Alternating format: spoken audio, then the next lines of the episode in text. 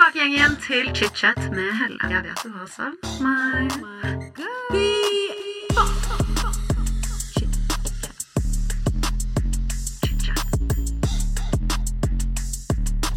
I dag får jeg besøk av en av Norges største influensere, Iselin Guttormsen.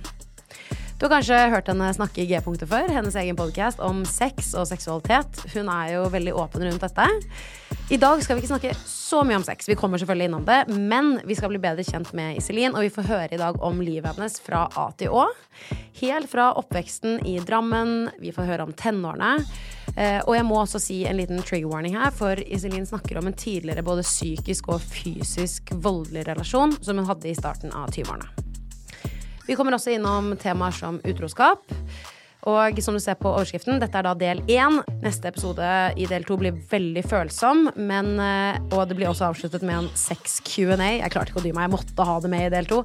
Men i dagens episode som sagt, så går vi mer gjennom tenårene, og jeg håper virkelig at du liker episoden. Det går kjapt, høyt og lavt. Iselin snakker mye, og jeg elsker deg. Velkommen tilbake, dere, til chit-chat. Ja, Vi gønner på. vi gønner på. Jeg er klar. Iselin Guttormsen, velkommen til chit-chat. Takk, Helle! Endelig! Altså, vi har prøvd og fått spilt inn dette hva da, ti ganger? Ja, det har vært, og forrige gang så var det sånn Ses i morgen, og jeg bare Fuck! Jeg har glemt å skrive det i kalenderen. Og livet mitt er som et rotete rumpehull. Det er så mye som skjer hele tiden. Eh, så jeg bare, jeg bare Men endelig, nå er jeg her. Det er så godt å se deg. Jeg har jo gledet meg helt sjukt til dette. Og eh, ja, det er eh, mye vi skal snakke om. Det blir mye sex, det blir mye, mye juicy. Og jeg bare, jeg vet allerede at det blir en del én og en del to. OK, greit. Jeg vet allerede, fordi det kommer også en liten sex-Q&A på slutten av del to. Så det er bare å glede OK, Okay, jeg gleder meg. Glede seg. Ja. Men eh, før vi hopper inn, hvordan har du det om dagen? Du, jeg har det veldig, veldig fint. Uh, nå har jeg Jeg følte sånn etter sommerferien Så jeg følte at jeg ikke hadde hatt en sånn ordentlig sommerferie med å slappe og slappe av. Uh, fordi det er ikke så avslappende å dra på ferie med barn. Man er jo på vakt hele tiden. Du passer på. Du får liksom ikke den roen som det er hvis du skulle dratt alene. Uh, men jeg har kost meg masse, og så har jeg jobbet masse. Men nå, nå som hverdagen er tilbake igjen, så kjenner jeg at jeg nå endelig kan hvile litt. Så nå har jeg liksom laget meg litt sånne rolige dager før det smeller som fan eh, i oktober. Men det er, det er viktig, det. Å Ja. og, ta litt en pust i bakken òg. Det er jo litt gøy at du nevner det, for Kristin Gjelsvik også var jo her. Og Ja. hun eh, sa jo akkurat det samme. Hun bare Det å feriere med barn er veldig annerledes enn Ja, å ja, ja. feriere alene. Så man må ta en pust i bakken innimellom. man eh, må det. Og så er jeg litt sånn har, Nå har jeg sett så mye på det, lest om det, snakket med søsteren min Nina om det. Om dette her med hvordan vi som samfunn er bygd opp når det kommer til arbeidslivet. Da. Og eh, jeg er så redd for at jeg alltid skal bli sett på som en sånn der type sånn sinna feministisk rødstrømpe hver gang jeg nevner samfunnet, patriarkatet, kvinnekamp og hele biten der. Men eh, vi lever jo i et samfunn som er bygget opp av menn eh, for menn, og det er jo ikke noe. Det er ikke noe sånn å, fy faen. Eh, Altså, hadde det vært eh, motsatt, så sier jeg ikke at samfunnet hadde vært noe bedre. Hvis det hadde vært bygget opp av kvinner for kvinner. Eh, men det er bygget opp av menn for menn, og menn har en helt annen biologi enn oss. De har en helt annen drive, de har behov for så mye mer. Det er mye mer adrenalin. De, de trenger at det skal skje mer ting. Dermed er altså eh, arbeidslivet skapt deretter. Og så vet vi, det er forsket på, kvinner vi trenger mer søvn enn mannfolk. Vi trenger en litt annen type tempo. Eh, men så prøver vi bare å passe inn i dette samfunnet som er skapt av menn for menn, og så sliter vi oss ut. Og så får man høre det, ikke sant. Se, se, det, aldri før har det vært så mange kvinner som er sykemeldte. Bla, bla, bla, bla, bla, bla, bare, det er ikke rart til, for vi prøver å passe inn i en verden som er skapt for eh, menn som har en helt annen biologi, en helt, altså, eh, helt annen drivkraft. Helt, altså, alt er så mye annerledes for gutta. Eh, og så er det jo vi kvinner som ofte er i, i yrker som eh, som sykepleiere videre, som er kvinnedominerende yrker, hvor, vi, hvor- kvinner sliter seg ut, rett og slett. Og så skal du prestere på jobb på hjemmebane, og så ender det med at vi bare Så det at du og jeg kan sitte i yrker som vi på en måte kan skape hverdagen vår litt selv, det er et privilegium eh, Absolutt som jeg aldri tar for gitt. Og da kan jeg også tenke at da lager jeg meg også perioder hvor jeg må slappe av før det smeller som faen, da. Ja. Men det er smart. Men det du nevnte nå, det er sånn Jeg kødder ikke, jeg har ikke tenkt på det engang. At liksom verden er skapt på en måte biologisk for mer menn enn det det er for kvinner. Og vi er jo fra naturen sin side bygd opp Ja, ganske ja. forskjellig, mener jeg. Ja, ja. Um, så det er veldig interessant. Herregud, men dette her føler jeg er en hel apparat. Du og jeg, skravlebøtte én og to. Vi kan jo faen meg sitte her i sikkert fem timer, så jeg, nå skal jeg prøve å være flink og holde meg til ja, ja, ja, manus her. altså, fordi fordi Mm. du og jeg Jeg fatter, David sier alltid det. Fatte deg i korthet, Iselin. Det å skulle gjøre intervju på TV osv. Jeg synes det er så For at jeg har så mye som skal ut. Men greit, nå skal jeg fatte meg korthet. Ikke så korthet, da, for det blir kjedelig, men uh, OK, kjør på manus. Ok, nice. Jeg elsker det her, altså. De to programlederne bare ding, ding, ding, ding. Quality sleep is essential. That's why the Sleep Number Smart Bed is designed for your ever evolving sleep needs. Need a bed that's firmer or softer on either side? Helps you sleep at a comfortable temperature? Sleep Number Smart Beds let you individualize your comfort so you sleep better together. JD Power ranks Sleep Number number 1 in customer satisfaction with mattresses purchased in-store. And now, save 50% on the Sleep Number limited edition Smart Bed for a limited time. For JD Power 2023 award information, visit jdpower.com/awards. Only at a Sleep Number store or sleepnumber.com. Hey, it's Ryan Reynolds, and I'm here with Keith, co star of my upcoming film, If, only in theaters, May 17th. Do you want to tell people the big news? All right, I'll do it. Sign up now and you'll get unlimited for $15 a month in six months of Paramount Plus Essential Plan on us. Mintmobile.com slash switch. Upfront payment of $45 equivalent to $15 per month. Unlimited over 40 gigabytes per month. Face lower speeds. Videos at 480p. Active Mint customers by 531.24 get six months of Paramount Plus Essential Plan. Auto renews after six months. Offer ends May 31st, 2024. Separate Paramount Plus registration required. Terms and conditions apply if rated PG. Millions of people have lost weight with personalized plans from Noom, like Evan, who can't stand salads and still lost 50 pounds. Salads, generally, for most people, are the easy button, right? For me, that wasn't an option. I never really was a salad guy. That's just not who I am. But Noom worked for me. Get your personalized plan today at Noom.com. Real Noom user compensated to provide their story. In four weeks, the typical Noom user can expect to lose one to two pounds per week. Individual results may vary. Herregud. Ok, vi kjører på. Ja. Det skal jo ikke Nå holdt jeg på å si det. Skal ikke putte under ei stol. Det var jo den verste norsken jeg har hørt i mitt liv. Eh, god start. Men eh, livet ditt har jo forandret seg ganske drastisk Ja. de siste hva skal vi si, fem til ti årene. Ja. Eh, og vi skal jo lære om livet ditt. Vi skal høre om livet ditt i dag. Og for å bli skikkelig godt kjent med deg, så hopper vi tilbake til barndommen. Ja. Eh, for å liksom gå litt sånn fra A til Å. Det er sånn vi pleier å gjøre her. Chitchat. Eh, så vi eh, gjør det så enkelt at vi drar tilbake til Drammen. Ja. Du er jo født i 1987. Du er 36 år. Ja. Kan ikke du Iselin, fortelle litt om oppveksten din i Drammen, og litt hvordan familiedynamikken var hjemme hos dere når Ja. du vokste opp? Å, dette her er så hyggelig. Eh, jeg er jo da født og oppvokst i Drammen. Moren min er tysk, kommer fra Berlin, det er Hauptstadt i Tyskland. Eh, og pappa fra Svalvik, verdens navle. De møttes i, i Berlin, ble forelsket, knulla litt der. Eh, og så kom vi jo fem unger, da, som perler på en snor. Så jeg har en storebror som heter Nevjar, og så er det meg. Og så har jeg en lillesøster som heter Anina, og enda en lillesøster som heter Silje. Og en lillebror som heter Njord. Så det er alle oss eh, fem, da. Eh, og vi er vokst opp vokste egentlig først opp et sted som heter Konnerud i Drammen. Pappa hadde bygd sånn svær sånn sveitservilla, og det var veldig sånn idyllisk. Det var veldig lite be bebyggelse. Masse skau rundt. Vi hadde to svære irske ulvunder som løp rundt i hagen der. Vi hadde, eller pappa hadde bygd sånn inngjerda, sånn skigard, da. eh, hvor de var inni. Og hver gang vi kom hjem, og de hørte at vi kom inn i porten da, etter skolen så hørte du liksom bare kvister sånn som knakk. Det var helt som Jurassic Park. ikke sant? Og da skjønte vi at nå kommer disse svære bikkjene løpende for å ta oss imot. Da Og da kom de i full galopp, og vi ble rivd ned og begynte å grine. Og de logra så mye at de piska oss i ansiktet. Og kjempe, så det var kjempeidyll. Men der, det var et lite sånn paradis. Og så flyttet vi etter hvert ned til, litt mer ned til asfalten. Altså Danvik-området. Eh, og begynte, og begynte skifta skole, da. Og det tror jeg har formet meg mer enn det jeg er klar over. Det å bytte skole i barndommen. Hvor gammel var du?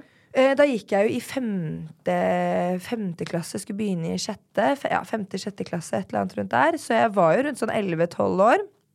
Eh, og det Jeg liksom, hadde sett på barne-TV, og liksom sånn, det virka så spennende å være hun nye jenta i klassen og møte nye mennesker, og det gleda jeg meg skikkelig til. Eh, men så kjente jeg at det var ganske, det var ganske tøft. For jeg hadde liksom uh, hatt det veldig fint oppe på Konnerud. Konnerud barneskole. Masse natur, masse, uh, masse skog. Det var et vann, og vi leika. Vi var litt mer barnslige. Ikke sant? Liksom, så kom vi ned til Asfaltkidsa. Uh, så på en måte var skolegården var helt grå. Det var ikke et eneste tre. Det var noe sånn, det var liksom ikke noe ja, det var, jeg syns det var litt kjipt. Um, uh, og Det jeg var. Ja, og så var det tøft å være Det var mye tøffere enn det jeg hadde sett for meg å være en ny jente i en klasse. Um, ble sett på med litt sånne rare øyne med en gang. Og så var det sånn konkurranse blant de andre jentene. Hvem skulle ta imot hun nye jenta? Hvem får henne inn i gjengen? Så begynte jeg å leike med en jente som tydeligvis ikke var den mest populære. Uh, og hun også bodde jo like i nærheten av meg, men vi, og vi var bare leika med barbier og var fortsatt barn. Eh, og da ble man gjort litt narr av. At ja, henger du med henne? Og hun har begynt å få kviser allerede, hun har hudormer. Og det, det var mye stygge greier. Men så var jeg litt sånn Jeg var jo bare meg sjæl. Jeg tenkte at eh, ja, ja, men samme fase. Jeg var både liksom med de kule, og med de som ikke ble sett på som kule. Um, og jeg husker moren min, hun var veldig opptatt av at jeg skulle ta vare på de svake, da. Ta vare på de som ikke var så populære, ta vare på de som kanskje var litt utenfor. Så jeg har alltid vært veldig inkluderende og prøvd å passe på de som faller utenfor. Uh, og egentlig ganske fra tidlig alder vært litt sånn gitt litt faen i de som hadde noe å mene om meg. For jeg var litt sånn Jeg gjør bare min greie. Så jeg husker det var en jente i klassen som hadde bursdag. Uh, læreren sa, hadde liksom samtale med alle i klassen om at denne bursdagen her, den skal alle sammen på. Og så, liksom de kule og de kule guttene og kule jentene var ja, men så, okay. Alle måtte møte opp, og det skal være bursdagen hennes. For nå kommer hun til å invitere alle sammen. Så det var veldig bra initiativ av læreren vår. Og da husker jeg at mamma sa vet du hva vi gir i gave til en Eller hun sa på tysk, siden hun kommer liksom fra Tyskland. Og hun sa vet du hva vi gir i gave til, til denne jenta her. Det du gir, du gir en hel aften med henne. Du skal gå på kino, du skal spise, dere skal Åh, kose dere. fin gave. Så veldig fin gave. Så jeg gjorde jo det, og tok med hun ut på kino. Eh, spiste sammen og hadde liksom skikkelig sånn girls night out. Og jeg koste meg med det. Syntes det var kjempehyggelig. Og så ble jeg så glad av å se at hun ble så glad. Hun hadde jo ingen som på en måte hadde gjort noe sånt noe for henne før, eller hadde ikke noen gode venninner. Hun ble liksom det, det, og da kjente jeg at da ble jeg liksom hun. Så hver gang vi skulle på Når vi var 7. klasse og vi skulle på leirskole, så ble jeg alltid plassert på rom med den nyeste jenta i klassen. Da også. Eh, og det var jo sånn jeg var, Faen, jeg ville jo være på rom med de kule jentene, liksom. Det er der det skjer. Men så ble jeg alltid plassert. Så ble jeg bare sånn, ja, men vet du hva? Hvis jeg kan glede andre Jeg har det jo kult med de andre uansett. Men på den tiden så er det jo sårbart. Når man Ja, planlegger turer? Og bare, du, de, vi vil være på rom sammen, og så får du ikke det.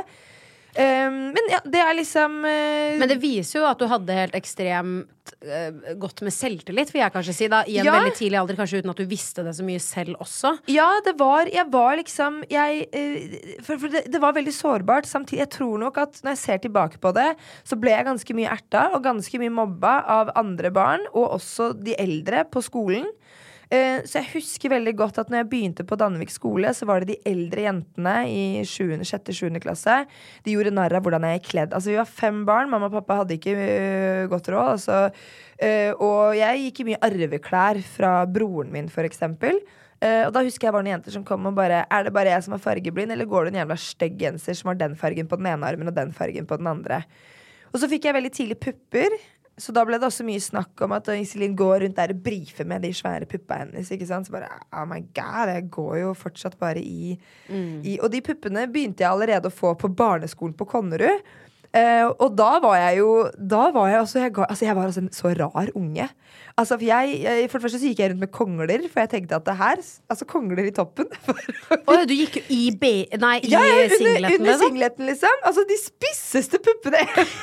Dette, er det ingen som ser. At ikke jeg, for jeg begynte å kjenne at puppene begynte å komme, men jeg ville, jeg ville veldig gjerne være kvinne. Da. Jeg ville veldig gjerne være Så du la inn noen kongler, du, La ja? inn kongler, men disse runde, da. Ikke disse spisse, spisse, spisse, men, Ja. litt, men, men allikevel, da. Tenkte her er det jo ingen som ser. Putta litt sokker oppi og sånne type ting. Eh, og, gikk også med parykk på skolen.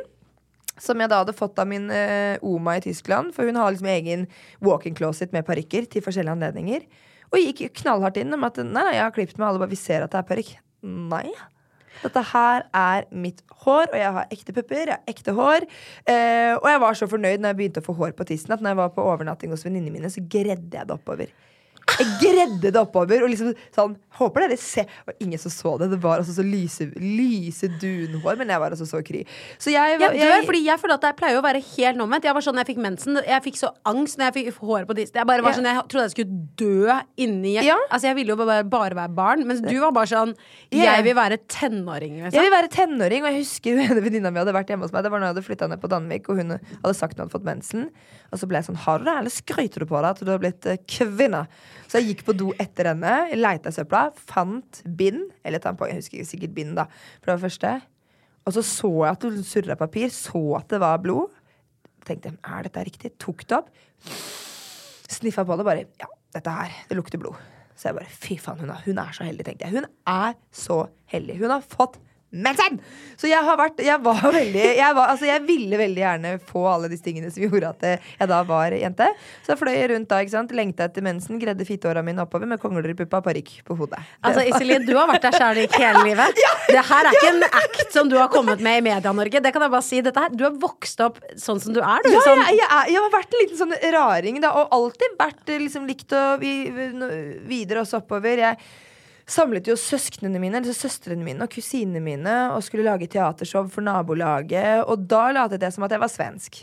Da talade jeg på svenska, ja, for jeg elsker det Sverige. Jeg elsker å prate svensk. Så da gikk jeg rundt veldig glad. Jeg var så stolt for at jeg visste at eh, kake var tårta. Og så var vi på Nesodden hos kusinene og fetterne mine. Og gikk rundt og knakka dører og banka på, liksom. Og de bare hei. Og jeg bare hei, jeg heter Iselin. Jeg er Emilie sin kusin. Og vi skal ha et øh, show, show, show, eller teaterforestilling i Å herregud, jeg dør av at du var sånn Vet du hva, nå er jeg svensk. Og dette, Ja. det var sånn, Du trodde det nesten så hardt på deg at Ja, ja. Du, du tenkte at du var svensk. Ja, ja, og de, de, jeg tipper at de voksne i døra bare Vi hører jo at du ikke er svensk, men for meg, jeg følte bare Og bare Vi kommer til å gi um, is, eller glass, til alle som kommer for å se på vår forestilling. Så da hadde vi Berts dagbok, som var en serie jeg så på, en bok jeg leste Så hadde vi lagd en forestilling, og det var så mye intern humor der, og vi lo mens vi hadde det, liksom. Følte at det var dritbra forestilling. Og folket på Nesodden bare Hva faen er dette for noen det de skrudde med? liksom? Men det var, det var liksom Ja, det var min uh, da. Altså, jeg elsker det her. Altså, nå fikk jeg faen meg en full oppsummering. Altså, det, er bare, det, er, det pøses på med info her, men jeg elsker det. Det, kjempe, det her er veldig sånn ehm, Jeg forstår deg bedre av kvinnen du er i dag, når jeg hører dette. ja, ja, jeg, jeg var litt sånn raring. Men jeg, jeg syns det er kjempe, kjempegøy å høre om. Men sånn, uh, som du fortalte, at du var jo veldig utadvendt, men også fant ikke helt din plass på ungdomsskolen og videregående. Ja. Men uh, den personen du er i dag, og i Media-Norge, Ja. har du alltid sett for deg at du ønsket å jobbe med media? Eller bare datt du mer inn i det i voksen alder? Datt vel mer inn i det i voksen alder. Det skal sies at det etter Fordi at det etter barneskolen eh, så var det full forvirring når jeg skulle begynne på videregående. For da visste jeg ikke om jeg skulle fortsette barneskolen med de jeg hadde hatt de tre siste årene med, eller de som jeg følte at jeg hadde så hadde jeg kjent lengst.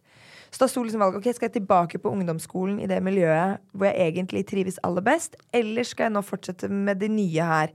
Så jeg begynte jo først på Galter ungdomsskole, som var for de nye, liksom, med, de nye, med de nye barna som jeg hadde blitt kjent med. Eh, og ungdommen der. Eh, det var knalltøft. Holdt ut i ett år. Orket ikke mer. Eh, det var bare Og der var det også Jeg opplevde mye urettferdig behandling.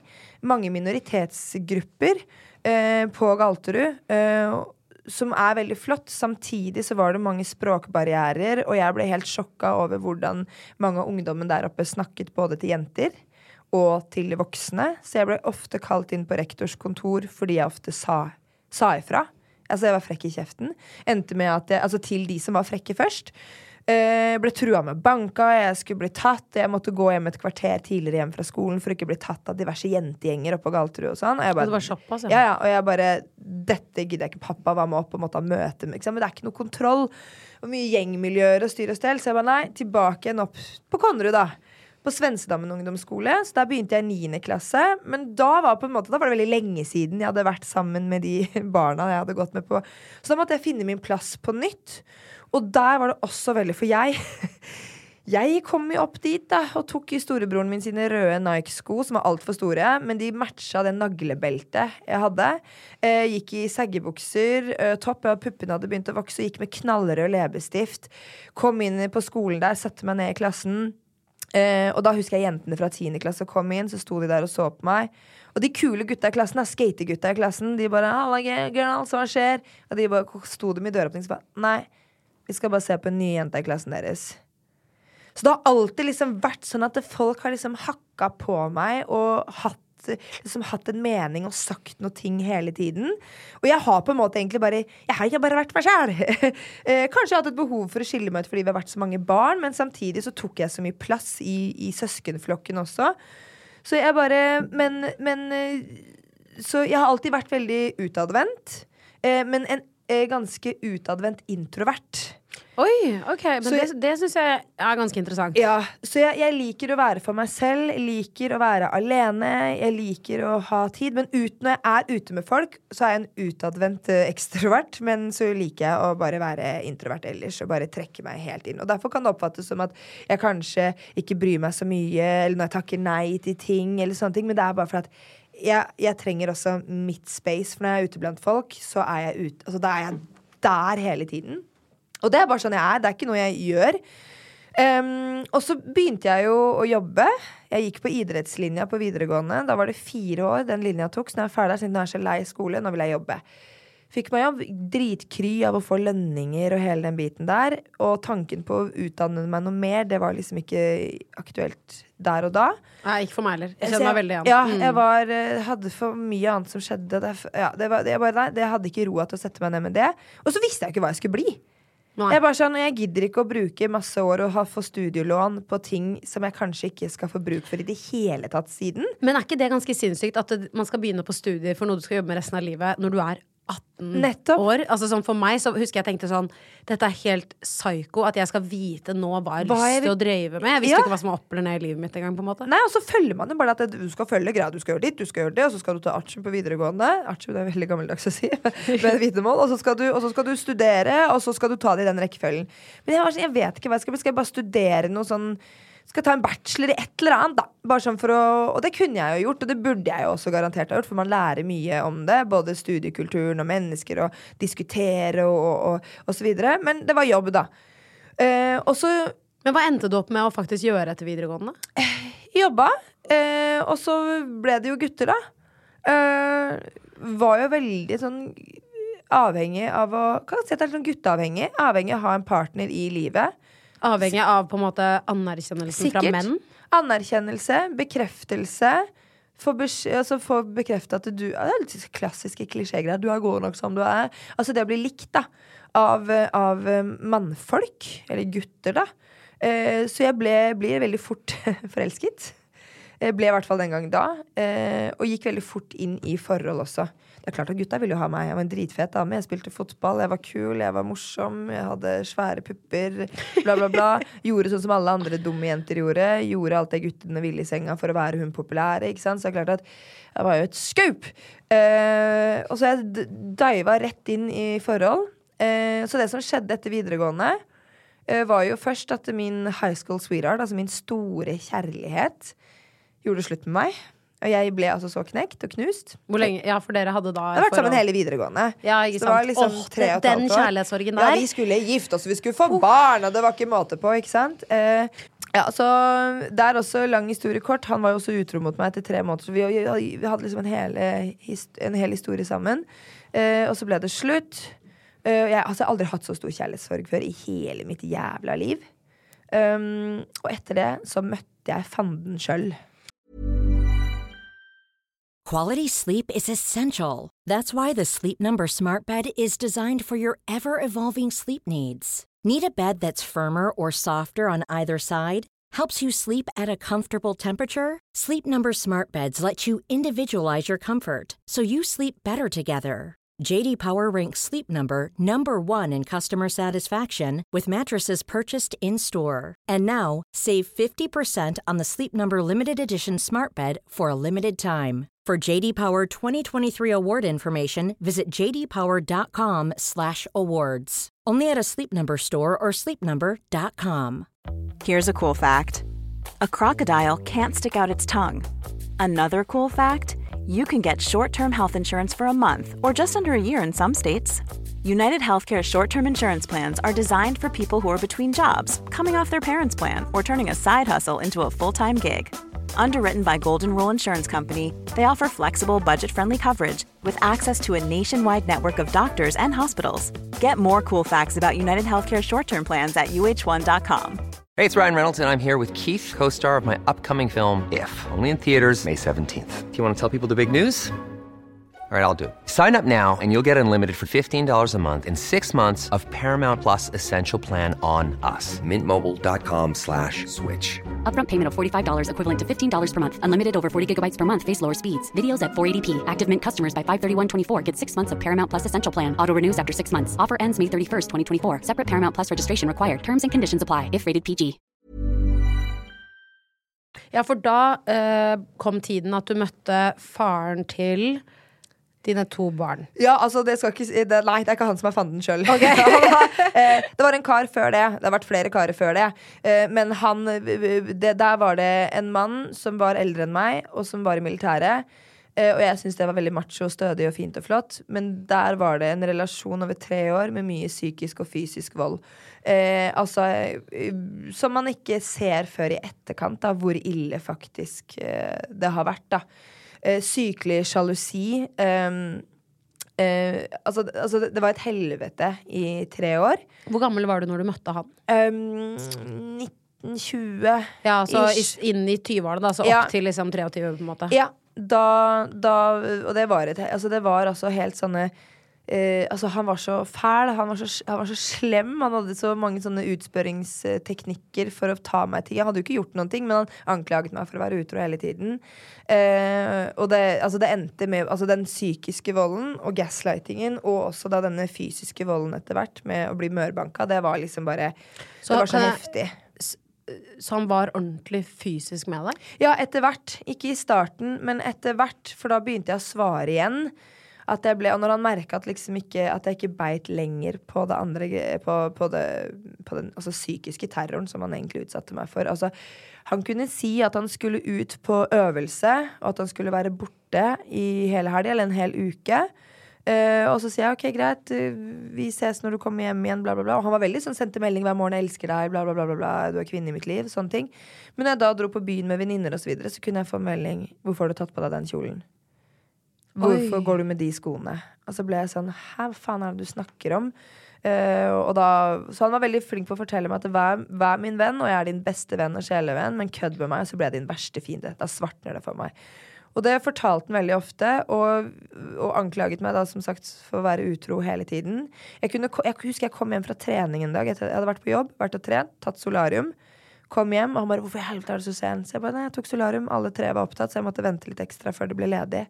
Og bare reiv av meg klærne, reiv av meg trusa for å sjekke trusa mi. Og der hadde jeg utflo. Jeg hadde jo trent og ligget i den i solarium, og det var svette og greier. Og han bare 'Hvem faen er dette her sin sæd?' Og mente at det var sæd, da. Og så blir man jo ydmyka. Man blir dritflau. Eh, og så blir man liksom, liksom Hva faen skal det Så det er jo ikke sæd. Hva faen skal jeg hva?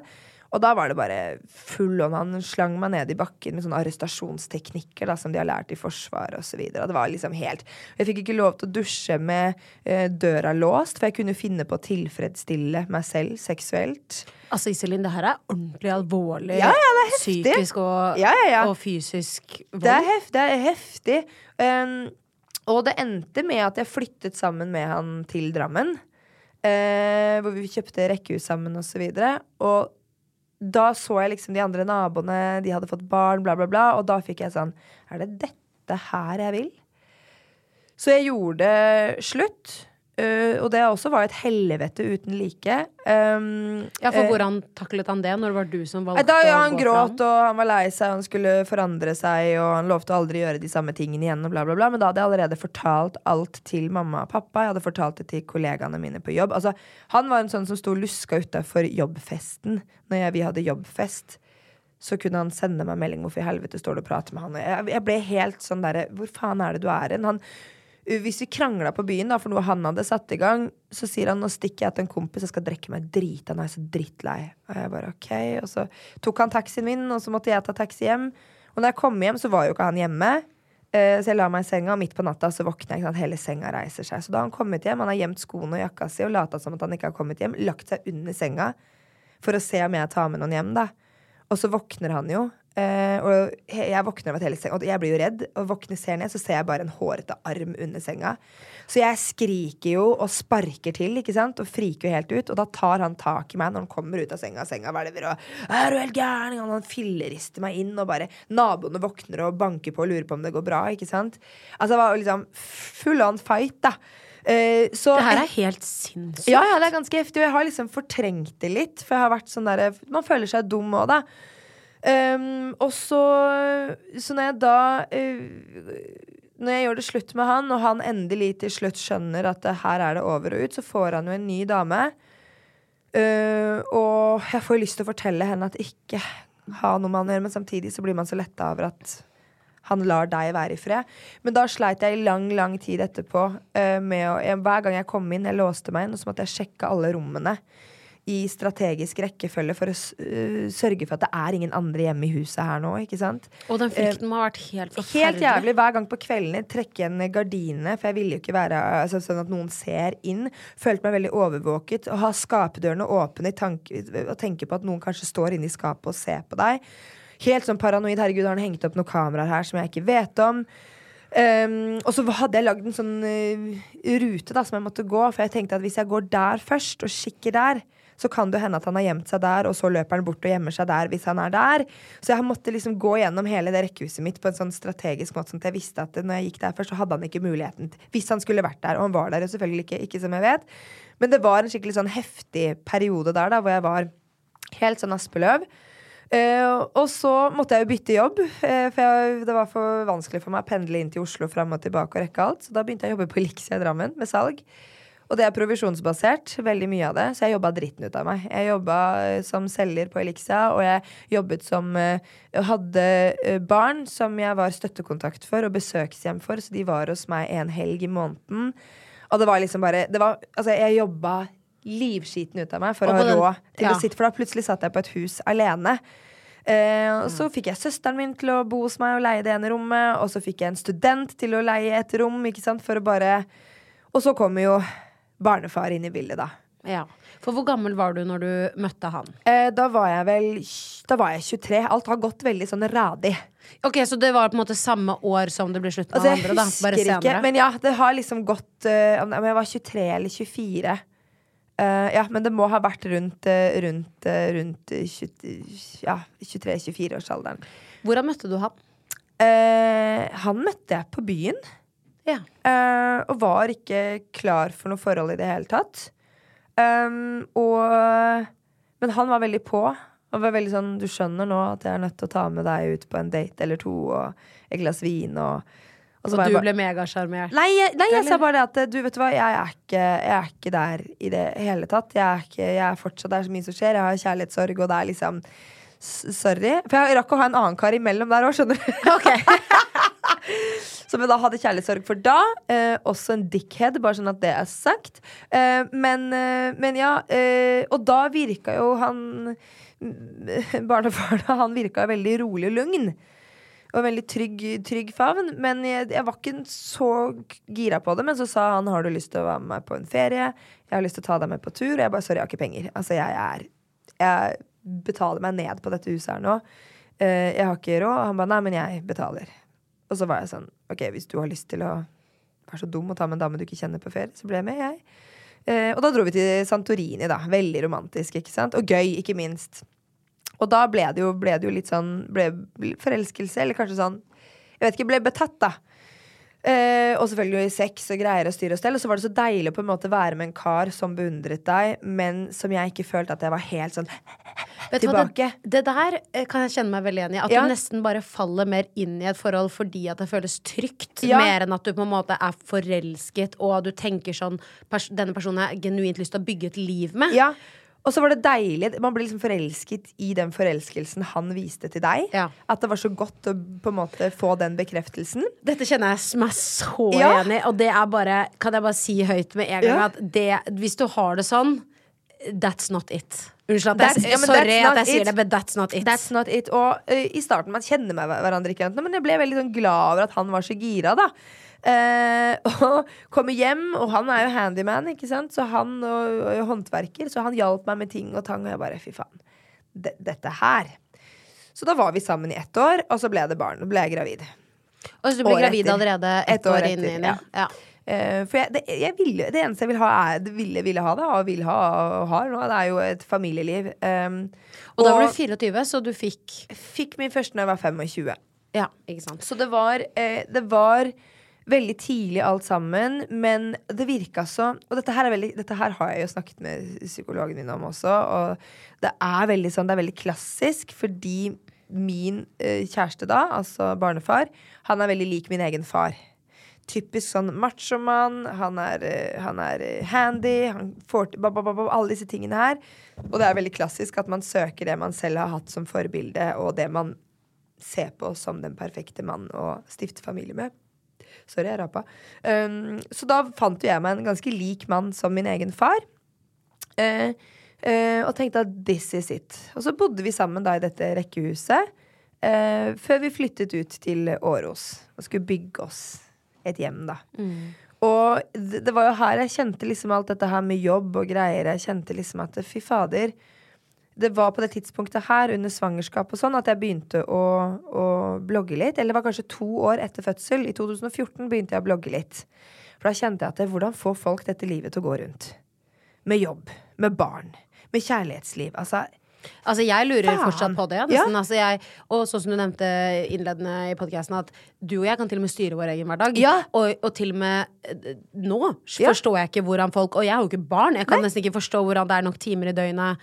Jeg har jo ikke tatt timer nå engang. Nei, det- og alle utgifter, og du skal på ferie, og du skal ha nye klær, og du skal føle deg vel, og du skal trene og spise sunt og passe på barn og være glad, og det bare Det, bare, det funker ikke. Det funker ikke. Og, og, jeg var jo hadde ikke, altså jeg hadde jo vært selv, selvstendig lenge og bodd i eget rekkehus og klart meg selv hatt jobb og sånne type ting, men jeg hadde jo ikke kjent på voksenlivet sånn som jeg kjenner på voksenlivet i dag. Eh, Så jeg fikk jo barn, altså, fikk barn veldig tidlig. Eh, Men så sørget jeg for at jeg skulle ta lappen, jeg skulle ha fast jobb, hus og hjem og alt var på plass. Men så bare ble jeg bare sånn, fy faen, hvordan er det folk får dette her til? Dette her er jo helt faens umulig. Og jeg ser barnet mitt, altså hvor mange timer om dagen? Zero nesten. Jeg står opp, leverer i barnehage, er på jobb, kommer hjem, middag, barne-TV, natta. For hva jobbet du med på den tiden? På den tiden da så jobbet jeg eh, eh, i et Hvor var det jeg var da? Da hadde jeg begynt å jobbe Det var et firma som het Model Day Studio. Da kunne du være modell for en dag. Så jeg var salgs... Jeg jobbet først som selger bare noen få en liten stund, og så ble jeg salgssjef der. Så jeg har alltid jobbet med salg og markedsføring. Da. Det har liksom vært noe som selv om jeg ikke har studert det, så var det noe jeg likte godt. Og så fikk jeg også da mer personalansvar. Ikke sant? Å ansette og ha opptrening og sånne ting. Så jeg følte liksom at nå er livet på stell, Iselin. Nå er det good. Um, Men da må jeg jo bare spørre også sånn Du sier jo at livet virket good, Ja. du hadde jobb, lite barn. Du hadde jo på en måte den idyllen, men du Ja. har jo snakket mye om denne utroskapen Ja. som du har gått gjennom. Når var første gangen du fant ut om utroskapen? Um, den uh, første gangen jeg fant ut om det, var um, Det var etter at Iben var blitt født. Så da hadde jeg allerede født Ingelin. Jeg hadde fått Iben, og det var etter at hun var døpt. Så det var vel når hun var rundt året, tipper jeg. Men var det da du fant det ut, eller hadde det pågått mye lenger? Det hadde pågått mye lenger, så Ja. det var da jeg fant det ut. Ja. Så det var um, eh, Det var altså så heftig. Og da hadde jeg allerede Det er ganske sårt. Altså selv den dag i dag, når jeg ser tilbake på blogginnlegget jeg har skrevet, hvor jeg har skrevet om en magefølelse jeg har, om, hvor jeg har skrevet om, om samfunnsstrukturene, hvordan gutta snakker sammen, hvordan gutter sender meldinger til hverandre, om damer de syns er deilige, og hvordan jeg føler meg krenka når jeg sitter her med et barn på armen og, og styrer selv. Det er ganske sånn det er ganske heftig. Jeg har faktisk lest opp det ene blogginnlegget i min egen podkast, G-punktet, litt reklame der, eh, eh, hvor jeg har lest opp det ene blogginnlegget, og hvor jeg, hvor jeg nesten begynner å gråte når jeg leser det, fordi jeg bare jeg, vis, altså jeg kjente det jo inni meg. Det er et eller annet som har plaga meg hele veien. Og jeg har følt meg så dum og slem som på en måte har kjent på disse tankene, og som har skrevet om det. Men når jeg da ser til eh, sånn i retroperspektiv, så jeg hadde jo rett. Jeg hadde så jævlig rett. Ja, men magefølelsen stemmer egentlig Magefølelsen nesten stemmer. alltid. Alltid. Og altså, kvinnelig intuisjon Ja. er noe av det sterkeste. Og jeg har ignorert det personlig så mange ganger. Mm. Og jeg har også følt meg så dum i. For jeg er sånn Ja, men Helle, du visste det jo egentlig, at det var noe her. Og det gjelder ikke utroskap for min del, men andre ting, da. Ja, ja. Bare dårlig magefølelse generelt Ja. når det kommer til mennesker eller en jobb eller en relasjon. Og det bare Åh, jeg bare Jeg sier det høyt nesten for at jeg må tro mer på min egen magefølelse selv, fordi det bare stemmer nesten litt. alltid, altså. Altså alltid. Ja, men altså, ja, jeg mener det, det stemmer alltid, og lytt til den. Og det er akkurat det samme som når man har en sånn greie sånn Ja, møtte du henne, eller møtte du han? Ja, ja hva syns du? Så sånn, vet jeg veit ikke, men jeg har en sånn rar følelse. Ja. et eller annet som ikke stemmer med det mennesket jeg er. Og den følelsen skal du stole på.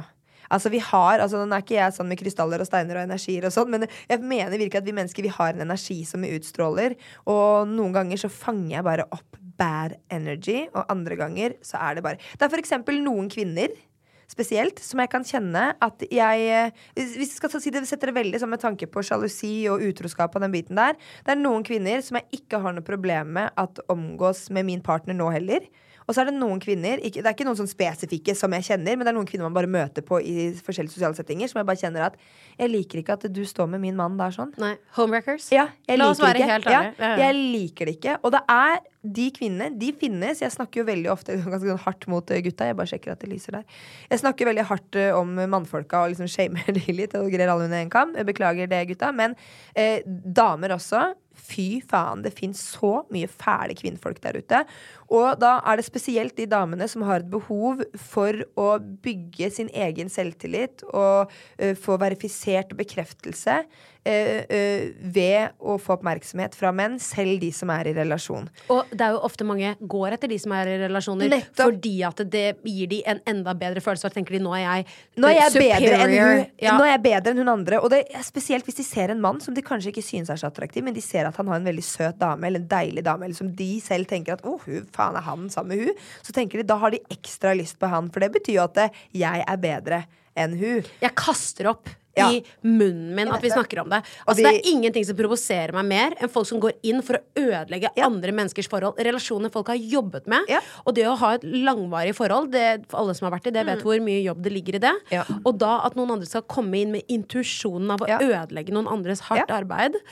Og, og følelser, og så mye som kan komme vondt av det. Og Ja. når man blir eldre, eh, så er det jo også ofte barn involvert. Og det bare, det ødelegger for så ekstremt mange bare for at du skal ha en orgasme i fem minutter og Ja, ja. stikke om en og en halv uke, basically. Ja, og det er så innmari sånn Og det er ikke sikkert at disse kvinnene tenker at nå skal jeg gå inn for å ødelegge. Det er egoet deres.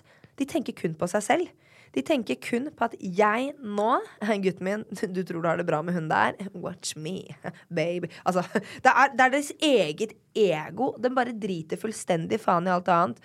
Og jeg kjente også det på hun dama som jeg, som jeg fant ut om min eks, da. Uh, så kjente jeg at jeg ble rasende. Eh, vi ringtes, vi prata sammen. Vi møttes faktisk også og hadde en prat face to face. Hvor jeg sa at eh, vi bor i nærområdet her, og jeg kan ikke møte på deg og har lyst til å slå deg i trynet, liksom. Og jeg vil ikke at du skal bli redd når du møter på meg og blir usikker. Så vi må snakke sammen. Hva faen er det som har skjedd der? Hva sa hun, da? Hun røyka og drakk kaffe. og, var, eh, og så sa hun bare i starten Jeg visste ikke at han hadde en relasjon. Han fortalte at han, var, at han jobbet på et hus, bygde et hus. Han bare glemte å si at det var til samboeren og, som var gravid. Eh, Og datteren som han også var der, da. Eh, glemte det, da. Eh, så i starten så var det sånn Jeg visste ingenting, men etter hvert så ble hun jo liksom mer og mer betatt av han. Og han ga masse oppmerksomhet til henne. Og da, da Etter hvert så skjønte hun vel det var For det var jo akkurat på det tidspunktet hvor jeg begynte å bli mer og mer, mer, og mer kjent. Oh ja, Så jeg hadde, ikke, jeg hadde jo ikke blitt noe Altså Det var liksom akkurat da det Eller jeg hadde ikke blitt kjent i det hele tatt.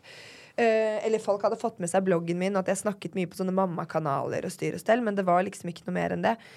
Uh, på Snapchat. Så, så det var um, Kan jeg spørre om en ting nå? Dette Ja. er kanskje litt kontrovers. Ja.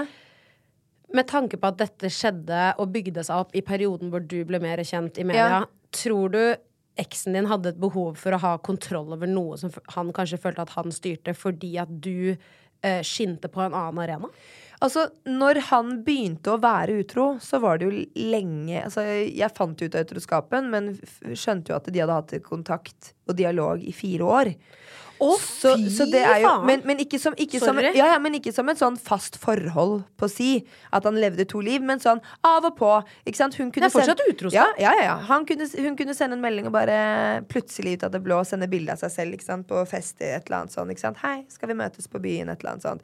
Eh, og så hadde det vært litt sånn Og så litt sånne seksuelle videoer fram og tilbake og styre og stelle. Og så var det ikke før på slutten, når de da faktisk hadde hatt sex, da, at eh, jeg fant ut av det.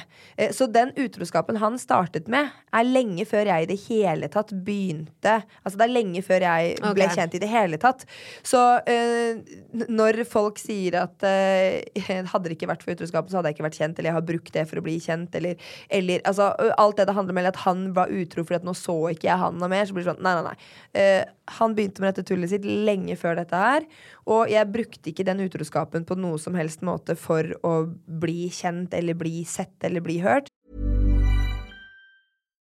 If you're looking for plump lips that last, you need to know about Juvederm lip fillers. With Juvederm Volbella XC and Juvederm Ultra XC, your lip look, whether it's subtle or bold, can last up to one full year with optimal treatment and no additional maintenance. Find a licensed specialist and see if it's right for you at juvederm.com today. That's J U V E D E R M.com. Add fullness to lips in adults over 21 with Juvederm Volbella XC or Juvederm Ultra XC. Do not use if you have severe allergies or a history of severe allergic reactions, or if you're allergic to lidocaine or the proteins used in Juvederm. Tell your doctor if you have a history of scarring or taking medicines that decrease the body's immune response or that can prolong bleeding. Common side effects include injection site redness, swelling, pain, tenderness, firmness, lumps, bumps, bruising, discoloration, or itching. As with all fillers, there's a rare risk of unintentional injection into a blood vessel, which can cause vision abnormalities, blindness, stroke, temporary scabs, or scarring. For full important safety information, visit juvederm.com.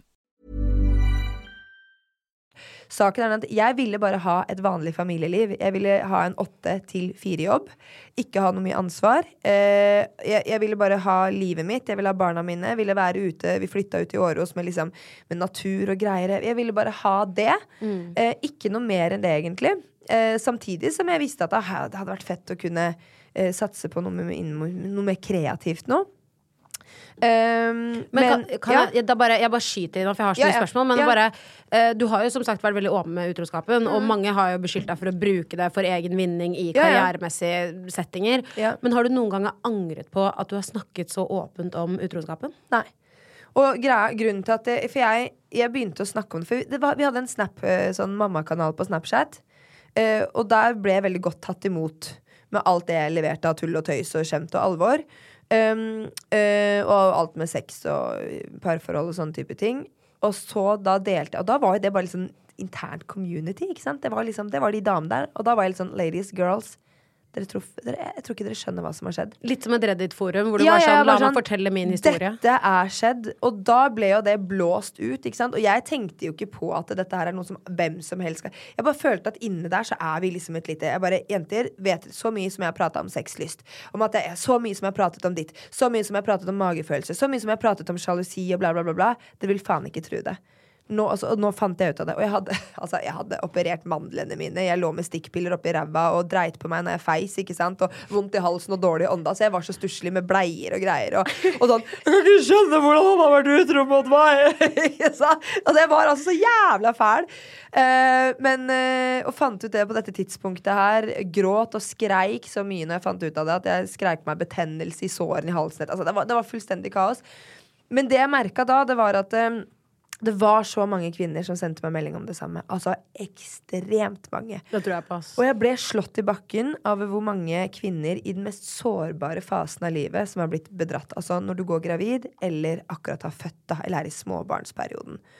Og jeg tenker bare sånn Man snakker alltid som at vi må gi hverandre en sjanse i livet når man, er, når man har småbarn. Ikke sant? Ikke forvent så mye sex. Ikke for det, det er helt annerledes. Mens gutta så det er klart at de skal få lov til å være utro hvis ikke du som kvinne klarer å by på litt fitte når du er helt fucka i hodet og kropp og alt mulig annet etter en fødsel. Så det er ikke rart til. Eh, For det, det, det er veldig sånn Det syns jeg er, det er et paradoks. At vi, vi skal jobbe sammen, vi skal gi hverandre rom, vi skal gi hverandre tid når man er, er gravide, eller når man Eller ikke når vi er gravide, når dama er gravid, øh, og man som par er blitt småbarnsforeldre etterpå, så er altså den datinggreien og alt altså, som man har sammen. Altså, kjærlighetsforholdet blir satt litt på vent. For det er mye som skjer. Eh, samtidig så blir vi litt sånn Ja, vi må jo forstå hvorfor noen er utro i den perioden òg. For da blir jo ikke far like mye sett, han får ikke like mye oppmerksomhet. Og jeg forstår det virkelig, liksom. Jeg skjønner at det er sårt. Men så blir jeg bare sånn, kom an, gi forholdet en sjanse, da. Runk litt i dusjen, da, Ja, se litt på gi forholdet en fuckings sjanse. Hvis vi skal gi forholdet en sjanse med at det, greit, nå blir det ikke like mye romantikk, nå blir det stress, det blir ikke det, deg og meg så mye lenger, den biten der. Nå er det, altså, det er kaos, og så får man jo ikke noe hjelp til det heller. Det er sårt. Det det er fullstendig rotete, den tiden etter fødsel. Uh, men samtidig så skal man sitte og liksom på en måte klare at ja, han har vært utro mot deg, men klarer vi å se hvorfor? Ikke sant? Og da ble jeg bare sånn Å, fy faen, så sårt, ass. Det er veldig sårt. Og så alle disse damene som sender meg meldinger, alle disse damene som da sier at jeg tør ikke å si det til noen. Familien min vil jo hate han. Ikke sant? Så de skåner. Å, herregud. Så de skal bli ja, ja, ja. skåna i tillegg. Eh, og så vet jeg at det er jo forskjellig Utroskap kommer i forskjellige former, det er forskjellige situasjoner, det er forskjellige bakgrunner, hele den biten der. Men jeg kjente bare at det går altså så mange damer der ute i den mest sårbare eh, perioden i livet sitt. Med nattamming og unger og greier, og de har mista seg selv litt oppi hele. Kroppen har forandra seg, psyken har forandra seg, og så har typen vært utro. Og så skal du ikke snakke med henne om det eller si noen ting om det. Altså det er bare sånn Og så skal du tilbake i jobb, da. Og så skal du levere på jobb, og så skal du hente i barnehage. Og Og så så, er det skal kroppen tilbake til Så normal, og så skal du trene og og spise sunt. Og så skal du ta vare på deg selv og være sosial, og så skal du ditt, og så skal du datt, og så er det bare sånn Det er et helvete. Og så ble jeg bare sånn jeg, jeg gidder, jeg gidder faen ikke. At, man, at dame damer Så da tenkte jeg, vet du hva alle de damene der. Og da, da kom litt den eh, Den personen som jeg alltid har vært eh, fra liten av. Da. Omsorg for andre. Ta vare på de som kanskje har det litt vanskeligere. Ta vare på de som ikke tør å bruke stemmen sin. Ta vare på de som er litt stussligere, på en måte. På mange måter. Tenkte jeg, vet du hva, da skal jeg ta igjen for laget. Da skal jeg gå ut og snakke om hvor dritt utroskap er. Jeg skal snakke om hva det gjør med deg. Og jeg skal få alle de damene som sitter hjemme og føler på en skam, og som føler seg aleine, og som føler seg stusslige, som føler seg stygge, som føler seg mindreverdige, som føler at de ikke fungerer som mamma eller partner eller kjæreste. Vet du, da kan jeg stå opp, og så skal jeg tale deres sak. Og så kan de heller få typen deres til å høre på det jeg sier, og så kan de selv slippe å stå for. Hver gang du begynner å prate om det, så blir det garantert krangel. Så tenkte jeg, vet du hva, da skal jeg ta den for alle mine medsøstre, og så har jeg fått så mye dritt, da. Men du har sikkert- fått veldig mye positivt òg, så det går jo begge veier, det Det her. går begge veier. Og jeg, jeg elsker jo at uh, noen tør å snakke litt rett fra levra. Jeg syns jo det er litt forfriskende i et deilig krenkesamfunn som vi Ja, lever i. ja. Så jeg syns at det er nydelig. Men bare, nå bare hopper jeg inn her og sier, eh, Iselin, jeg ser at vi, vi prater jo høl i huet Ja, på hverandre, holdt jeg på å si. I hvert fall du på meg. uh, og jeg elsker det, men jeg ser nå at vi har snakket i 45 minutter, så dette her blir avslutning på del én. Herlig. Og for dere som lytter, eh, håper du vil høre på del to, som kommer neste torsdag. Og som sagt, eh, abonner på Chitchat med Helle, så får du opp episoden neste uke. Til deg som har lyttet til denne episoden, hvis du likte det du hørte, så gå gjerne inn i appen og abonner på ChitChat med Helle. Da får du automatisk opp nye episoder hver eneste torsdag. Og hvis du er ekstra grei, så legger du gjerne igjen en review. Det hadde jeg satt kjempestor pris på. Vi høres!